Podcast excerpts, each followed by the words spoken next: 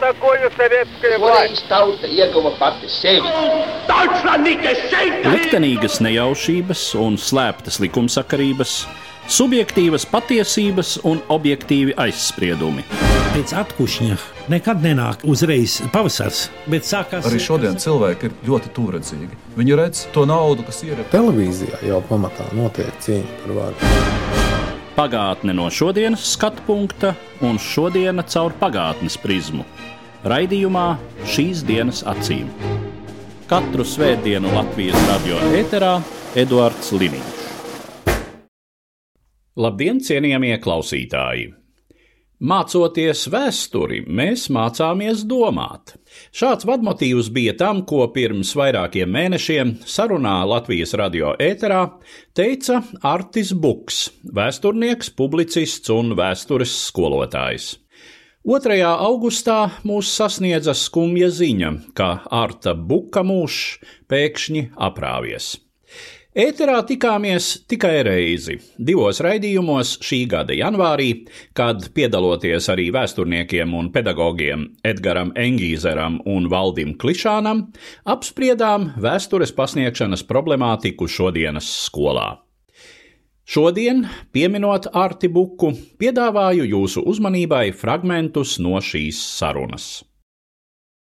Bet tādās birokratizētās sabiedrībās vienmēr bijis, ka panākumi ir drīzāk par spīti sistēmai nekā pateicoties viņai. Un arī šobrīd, ja mēs paskatāmies, tad panākumi ir tad, kad skolotājs iemācās izlīferēt starp obligāti nododamiem visādiem plāniem, par kuriem viņiem ir skaidrs, ka tie nepiepildīsies nekad. Un tā tālāk viņš vienkārši strādā, tāpēc, ka viņam patīk ar tiem jauniešiem. Un, un, tā birokrātija vienkārši nu, tā ir tāda garoziņa. Katram darbam ir sava garoziņa, un es domāju, tas pat nav šobrīd tas aktuālākais.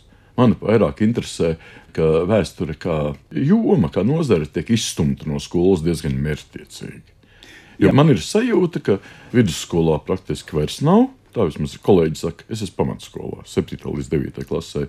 Man pašam ir sajūta, tāda klusa iekšēja, ka jāsāk meklēt kursus, kur var pārprofilēties par uh, sociālo zinību skolotāju, jo tas ir topā tagad. Jau iet bruģi likt kaut kā negribās. Šī integrācija, kuras cēloņi var saprast, un tie bija patiešām sākotnēji skaisti mērķi, kuri nerealizējās, bet tas būtu varbūt, ja mēs ar literatūru salīdzinām tā. Tagad ir uzdevums skolēniem salīdzinām Blaumaņa Indrāna tēvu ar, piemēram, brāļu kaudzīšu Pāvulu. Vai mēs neizlasot lugas to spēsim izdarīt? Nu, mēs varēsim kaut ko salīdzināt, bet tas paliks ļoti virspusēji, tas paliks tādas papļāpāšanas līmenī. Un es domāju, ka šī ir tā galvenā problēma, ka mums vēsture pazūd.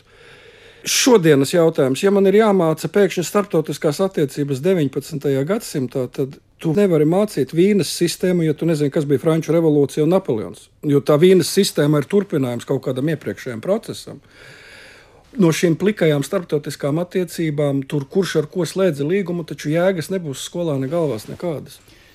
Varbūt ir liederīgi arī atcerēties to, ka sociālās zinātnes vai sabiedriskās zinības, kā viņas kādreiz sauc, viņas jau atvasinājās no vēstures. Ļoti ilgu laiku atpakaļ, bet tā vēsture ir bijusi klātesoša pašos pirmsākumos, Un šobrīd, ja mēs skatāmies, vai tā būtu socioloģija vai tā ir politoloģija, mēs runājam par modeļiem, kuros tiek iekārtota sabiedrība, ielikt zināmā tādā rāmītī, un vēsture tiek izmantot, lai pamatotu, vai nu šis rāmīts ir pareizs, vai nu šis rāmīts ir nepareizs, un jāveido cits rāmīts. Bet es domāju, ka arī klātsošie kolēģi vēsturnieki piekritīs, ka vēsturē ļoti svarīgs ir arī gan subjektīvais, gan nejaušības faktors un, un tāds modelis, vēsturiskais, vienīgais patiesais un, un realistiskais, viņš nekad nav pastāvējis. Un līdz ar to tas, kur lielā atšķirība starp sociālajām zinātnēm un vēsturi pagātnes interpretācijā ir. Vēsturē mēs skatāmies uz to, kā bija, bet sociālajās zinātnēs skatās, kas no tā, kas bija, ir novedis pie esošās situācijas un, zināmā mērā, to paskaidro. Kaut gan, ja mēs paskatāmies uz vēsturi, kāda viņa ir bijusi, kā strīdus objekts tieši arī mācību priekšmetu sakarā, un šādi strīdi ir bijuši gan pēc 90. gada, gan pēc 40. gada, gan pēc 34. vai 19. gada. Katru reizi mēs redzam, ka tie strīdi ir izteikti politiski. Izteikti ideoloģiski, un mēs arī šobrīd diskusijā daudz dzirdam par vēsturi kā pilsoniskas sabiedrības vai patriotiskas sabiedrības veidošanas pamatu, kas neapšaubām tas tā arī ir, bet ar ļoti lielu bet, ka tas nebūtu nav vienīgais un varbūt nesvarīgākais vēstures uzdevums.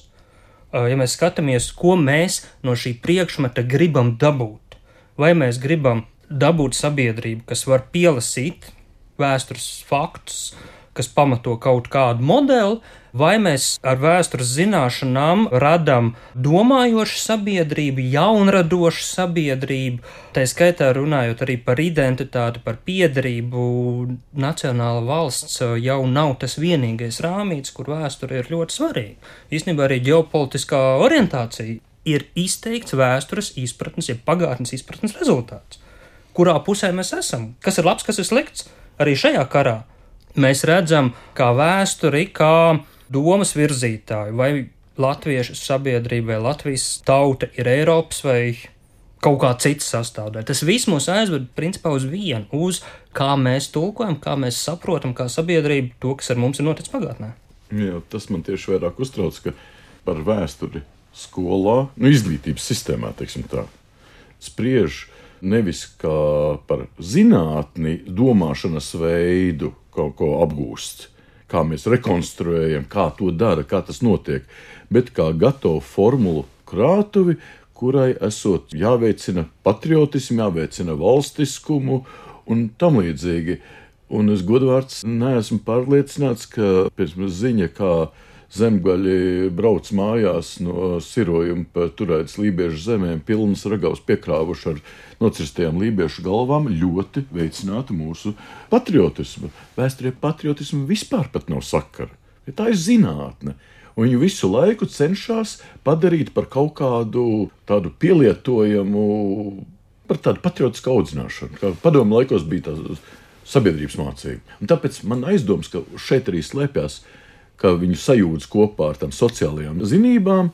Tieši ka tie, kas sajūdza viņu, tie neorientējas vēsturē, tie nezina, kas ir vēstures zinātne, lai gan skolā un vēstures zinātne atsevišķas.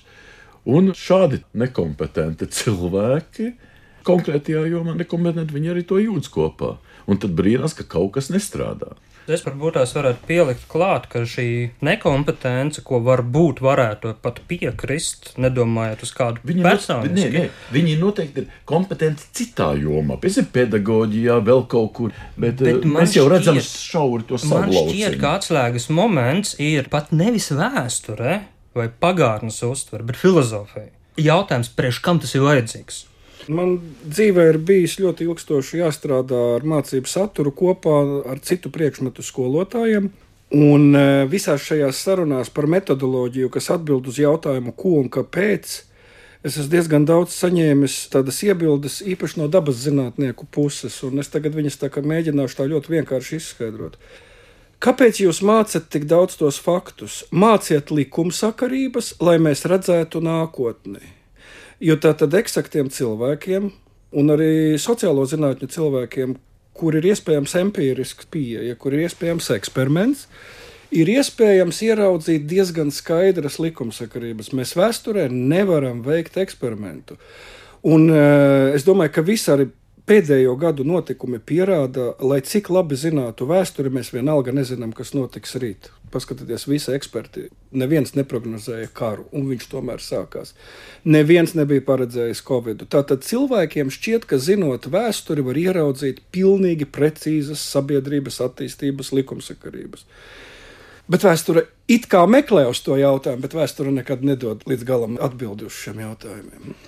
Jā, nu man tā domājot, jo es savā darbā arī nu jau krietni daudzus gadus arī tā kā mēģinu atrast, tas ir, teiksim, mana autora raidījuma vadmotīvs šeit Latvijas radio, ko tad tā vēsture ir izdarījusi mūsu šodienai, ko šie vēstures notikumi ir nesuši mums, ko mēs jūtam no tā vēl joprojām.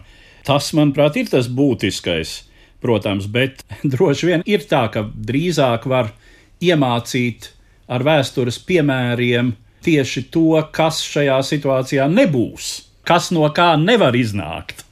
Bet to, kas būs, jā, nu, to droši vien, ka īsti ne.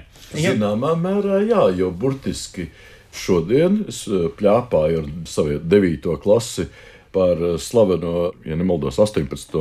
ASV konstitūcijas labojumu, tā saucamo sauso likumu.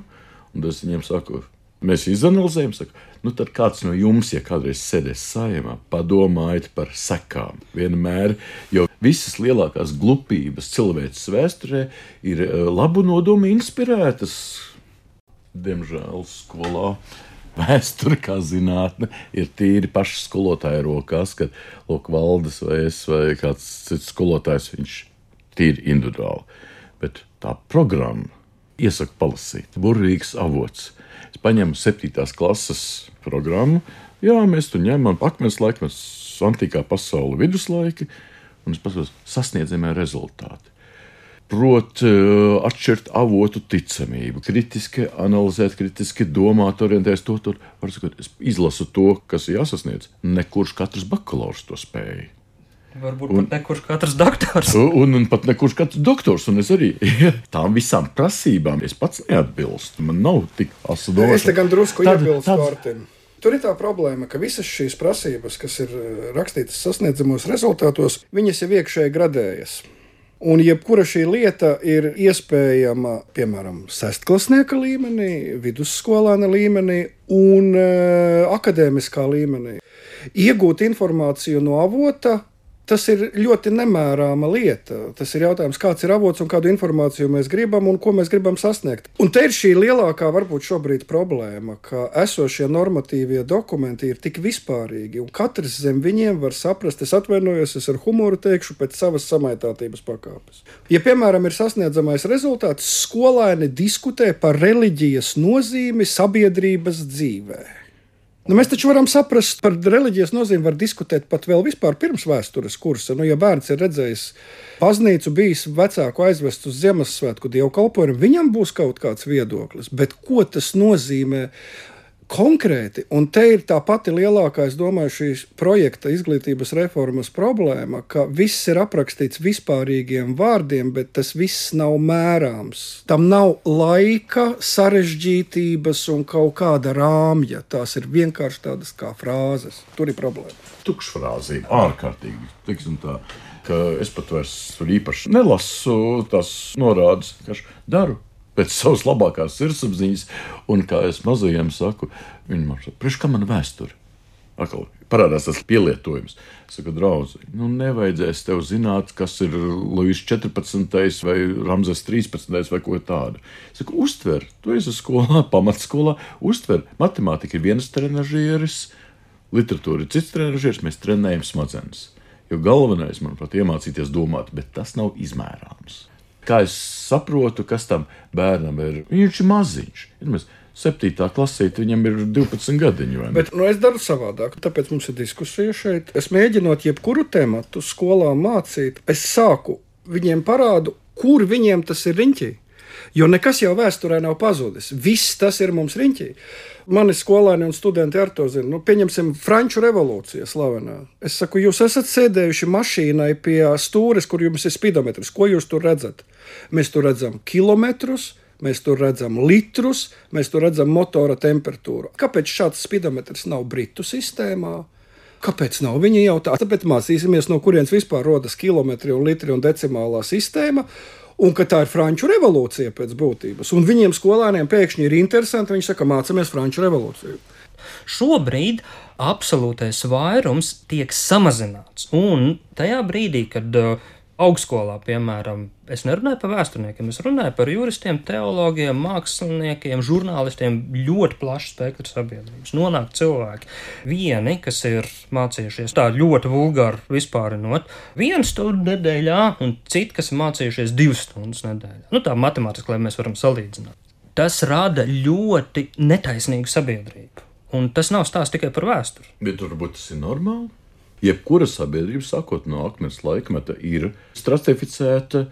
Un, ja mēs ticam pareto principam, tad tikai 20% populācijas ir spējīga uz intelektuālu darbību. Bet tad lūdzu politiķi, kas lēmj par vēstures vai jebkuru izglītības saturu skolā, to godīgi arī pasakiet. Ka, ja jūs izvēlaties dzīvot mazā pagastā, lūdzu, vai nu finansējiet paši savu skolu, vai nu saprotiet, ka jūsu bērni būs šajā sabiedrības kastītē. Es nedomāju, ka tas ir ceļš, uz kuru demokrātiskajai valstī būtu jāiet. Piemēram, Vācijā, te gan mēs kā no pamatēmas, bet man ļoti patīk Vācijā un Nīderlandē sistēma, ka, piemēram, A, B, C klases skolā, A klasē gudrīši koncentrējās. Un tad viņi patiešām, piemēram, kāds huligāns dumīts viņiem netraucē, viņiem ir labāks sekums. Ja kāds sāk slikti mācīties, viņi pārceļ uz B klasi. Ja vēl viņš var aizrotēt līdz D klasē, un savukārt no D klases, ja kāds izrāda spējas, čaklumu, vēlmi, viņš aizrotē uz A klasi. Un no A klases iet, piemēram, tur sistēma sarežģītāk, uz universitāti, augstskolā ņem pretī. No B klases, piemēram, ir eh, tehnikumi. Un, nu, no C un D nu, ir arī godīgs, labs darbs, fizisks. Ne visiem jābūt par zinātniekiem.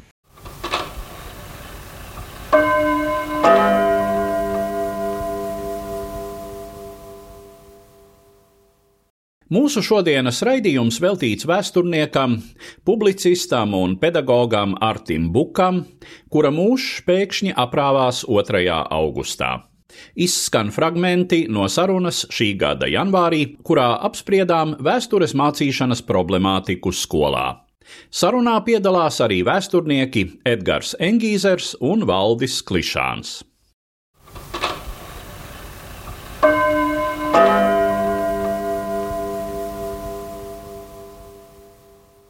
Tā lielākā problēma ir tāda, ka mūsu šī brīža sistēma nosaka to, ka ne visās skolās ir A klases. Lielākā daļa, no, aizliegts. lielākā daļa no skolām mums ir tikai šis C un D bloks, un tas nav godīgi. Bet vai tad eh, šādā gadījumā nu, tas nav mēģināts risināt ar šo padziļināto, optimālo un pamatkursu? Bet šeit Artis runāja, ka skolēni tiek sadalīti, tiek kaut kādā veidā mērītas viņu spējas, zināšanas un prasmes Talants, jā. vai talanti. Šis dalījums ir par pamatkursu, optimālo kursu un padziļināto kursu. Tas balstās uz interesēm galvenokārt.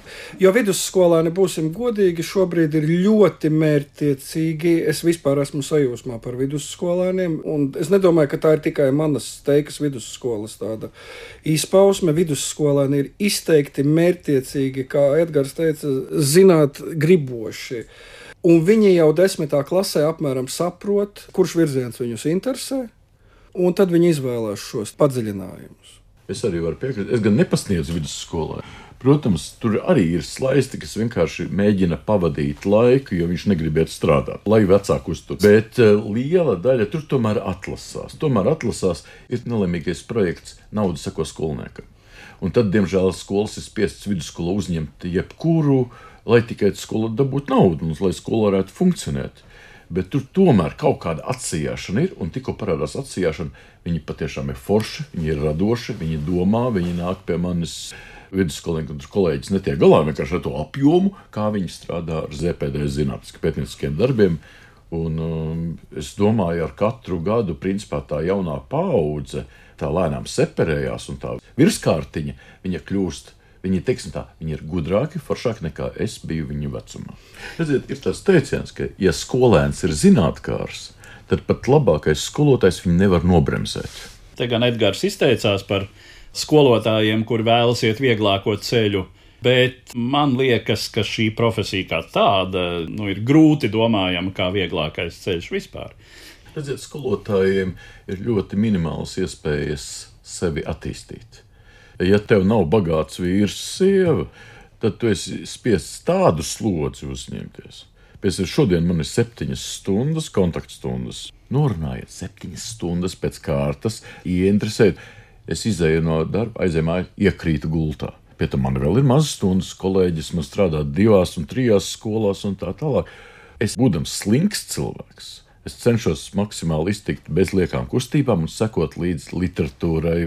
Cenšos lūgt šo pašu cienījamo valdi klišānu laiku pa laikam satikt pie alus kausa un paspriedelēt par vēsturi un pastrīdēties un mēģināt, Historiografija. jā, un mēģināt viņam pierādīt, ka viss tā skola 23 ir salaidusi dēlī un viņš atkal man pamāca, kur es esmu kļūdījies un es esmu, oh, es cenšos. Cik ilgi man pietiks, bet man ir tikai pieci gadi skolā. Man ir ļoti minimāls stāsts. Es skatos kolēģis, kurus tur 30, 40 gadi. Vienkārši viņam fiziski nav laika sevi attīstīt, sakot literatūrai kaut kādai līdzi. Diemžēl. Skaidrs, ka izglītības sistēmā, tā skaitā, sevišķi runājot par vēstures mācīšanu skolās, bija jāmaina.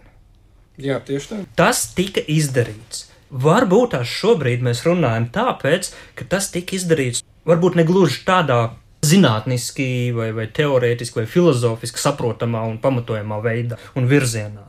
Bet iepriekšējās sistēmas trūkumi tika demontēti.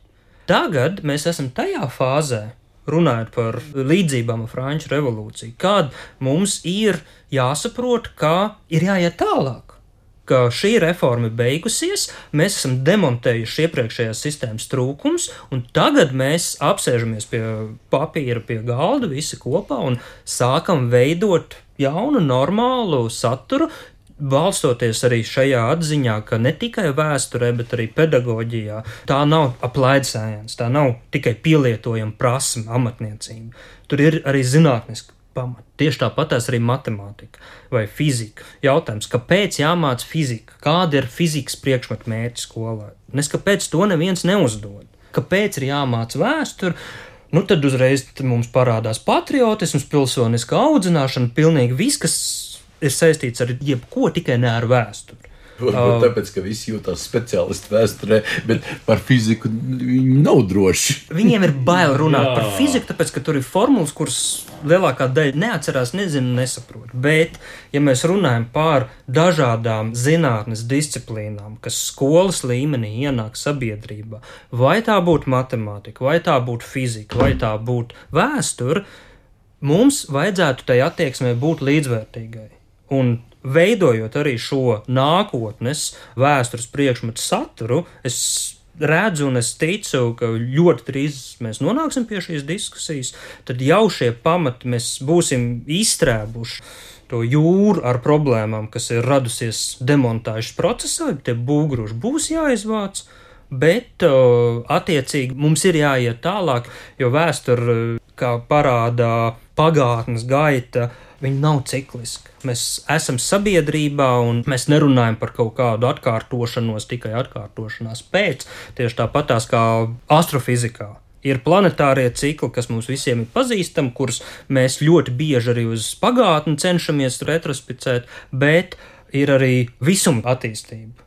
Un šie virziena un ciklu miedarbība parādās arī sabiedrībā. Ka, nu, mēs nekāpjam tajā pašā ūdenī iekšā vairākas reizes, kaut gan var, tehniski to var izdarīt, bet attiecīgi tās vienkāršās prasības, nu, iemāciet mums vēsturi, lai mēs saprastu, ka demokrātija ir laba. Tas nedarbojas, un tas nekad nevar darboties.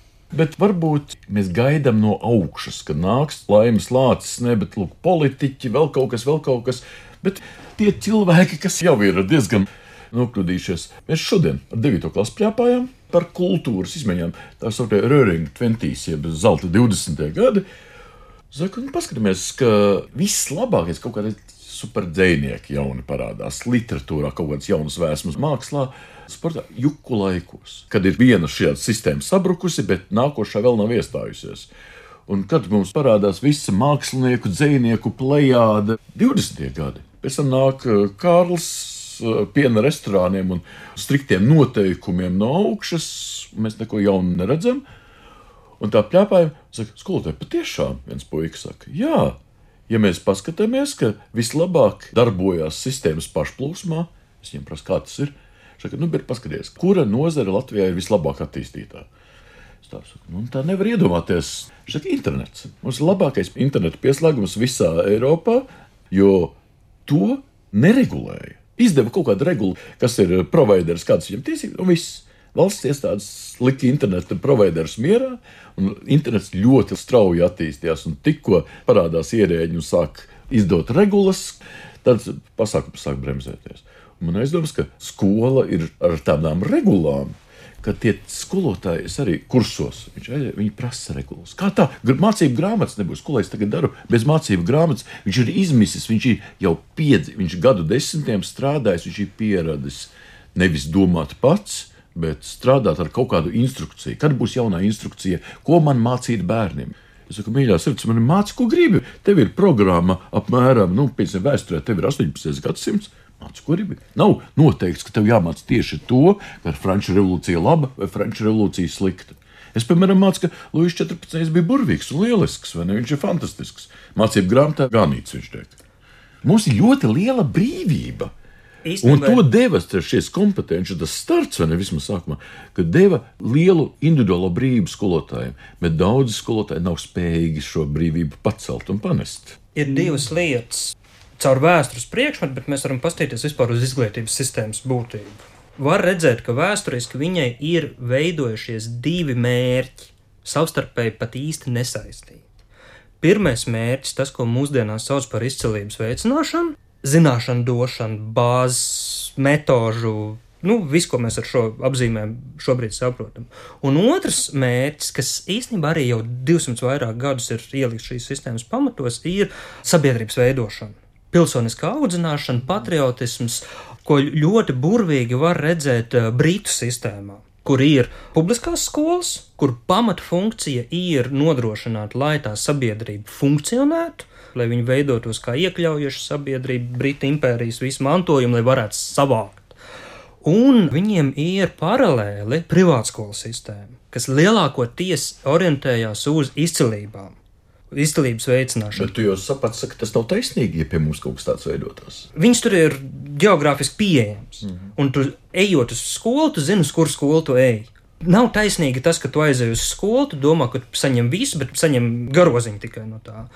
Bet attiecīgi tas, kas pie mums pazūd šīs reformas ietvaros, ir šī orientēšanās, šo iespēju došana attīstīt bērniem, jauniešiem izcilību, neatkarīgi no viņu geogrāfiskās lokācijas. Pilnīgi piekrītu. jā.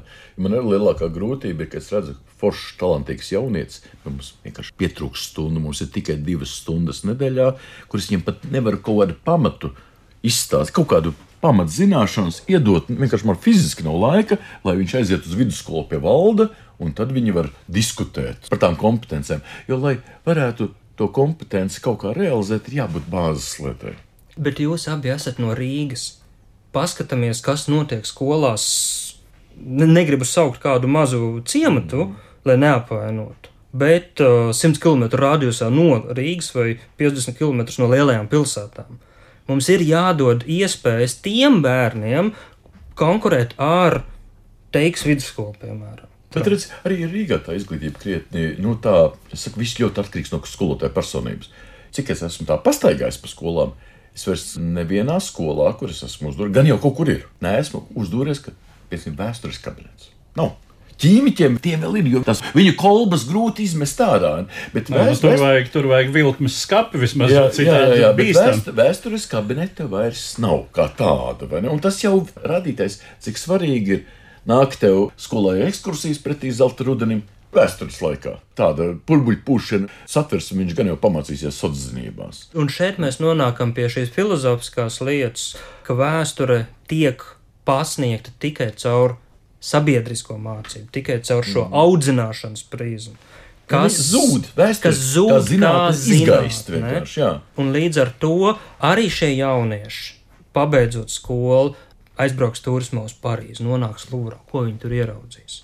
Kaut ko jau ieraudzīs, bet man vairāk uztrauc tas, ka viņš nonāks sējumā. Un viņš teiks, vēsture jau nav tāda zinātne, priekš kā viņiem kaut ko vajag. Un pieņems lēmumus, kas būs aplami nevis saistībā uz vēsturi vai viņas mācīšanu, bet uz pilnīgi citām lietām. Nu, viņam kā viņam pietrūkst tas elementārs kultūras glazūras, jo vēsture pamatā ir domāšana. Vismaz skolas līmenī zinātnē tā ir augstskolā, bet skolas līmenī mēs mācāmies domāt. Un tie fakti, par kuriem tur uztraucas, tie jau tikai piemēri. Nu, kā, kad liek LEGO klucīšus un mēs taisām māju, Vienkārši, jo vairāk tev galvā lego klucīši, jo lielāku tu māju var uzbūvēt. Līdz ar to izskan raidījums, kuru veltīju nulē mūžībā aizgājušā vēsturnieka, publicista un vēstures skolotāja Arta Buka piemiņai. Raidījumā dzirdējāt arī vēsturniekus Edgars Engīzeru un Valdi Klišānu. Uz redzēšanos, cienījamie klausītāji! Katru svētdienu Latvijas radio viens par pagātni sarunājas Eduards Līniju.